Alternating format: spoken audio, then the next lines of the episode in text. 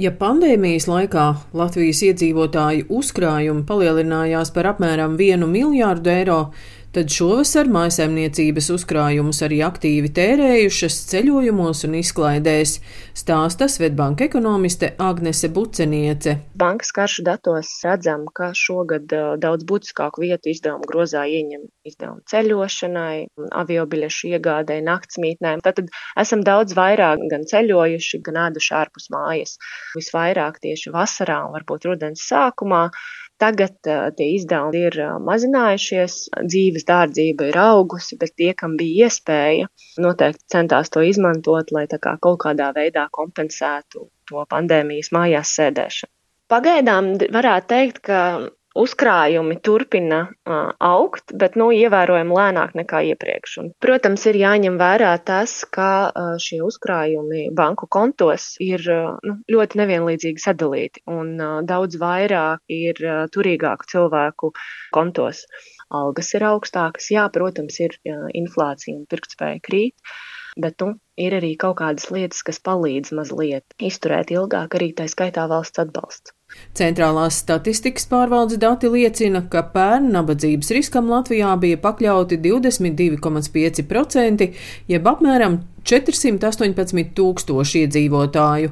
Bankas citadela aptāja liecina, ka trešdaļa iedzīvotāji nav nekādu uzkrājumu, un mājasaimniecību finansiālā situācija ir ļoti dažāda, stāsta Bankas citadele privātpersonu apkalpošanas direkcijas vadītājs Jānis Mūrnieks. Ir aptuveni trešdaļa maisaimniecība, kurai finansiāla situācija ir stabila, un maisaimniecības pat uh, prognozē, ka viņi varētu turpināt uh, veidot uzkrājumus, vai arī noteikti viņus neaiztikt šajā ziemā. Uh, aptāja liecina, ka jau šoziem 14% Latvijas iedzīvotāji ir sākuši sekt izdevumus no saviem uzkrājumiem, Visbiežāk šādā situācijā ir nonākuši Latvijas mājsaimniecības un rīdzinieki vecuma grupā no 50 līdz 59 gadiem. Ar ikmēneša ienākumiem robežās no 550 līdz 750 eiro. Uzkrājumi, protams, nav tikai noguldījumi depozītā, uzkrājumi ir arī ieguldījumi finanšu aktīvos, pensijās vai uzkrājošajā apdrošināšanā. Latvijas apdrošinātāju asociācijas vadītājs Jānis Abāšins vērtē, Līdzīgi kā 2007.-2008. gada krīzē, arī šobrīd samazinās dzīvības apdrošināšanas apjomi. Šogad arī mums dzīvības apdrošināšana būs kāds 21% no kopējā apdrošināšanas tirgus. Pagājušajā, aizpagājušajā gadā pirms Covid dzīvības apdrošināšana sasniedz jau praktiski 25% no, no kopējā apdrošināšanas tirgus. Nu, ja mēs skatāmies uz veco Eiropu, tad tur, protams, dzīvības apdrošināšana ir 50 un 60% no tirgus. Bet, nu, ja mēs tuvākajos piecos gados sasniegtu tos 30% no kopējā tirgus, tad es būtu jau gana priecīgs. Tas nozīmē, to, ka tas sociālais spilvens pamazām veidojās. Tās labās ziņas teiksim, no šī gada ir tās, ka, piemēram, dzīvības apdrošināšana klasiskā bez uzkrājuma veidošanas, bet vienkārši apdrošina savu dzīvību par labu ģimenes locekļiem, piemēram, ir augus par 10%.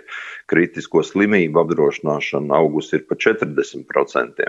Tā kā ir apdrošināšanas veidi, kas ir auguši jau šogad, cerams, ka šie ar uzkrājumu apdrošināšanas veidi arī nākamajā gadā pie nelielas izaugsmas varētu atgriezties. Slik slikta ziņa kredītņēmējiem, bet laba uzkrājuma veidotājiem ir Eiropas centrālās bankas procentu likmju kāpums. Depozītu likmes komercbankās šobrīd ir vidēji no 0,4 līdz 1% gadā.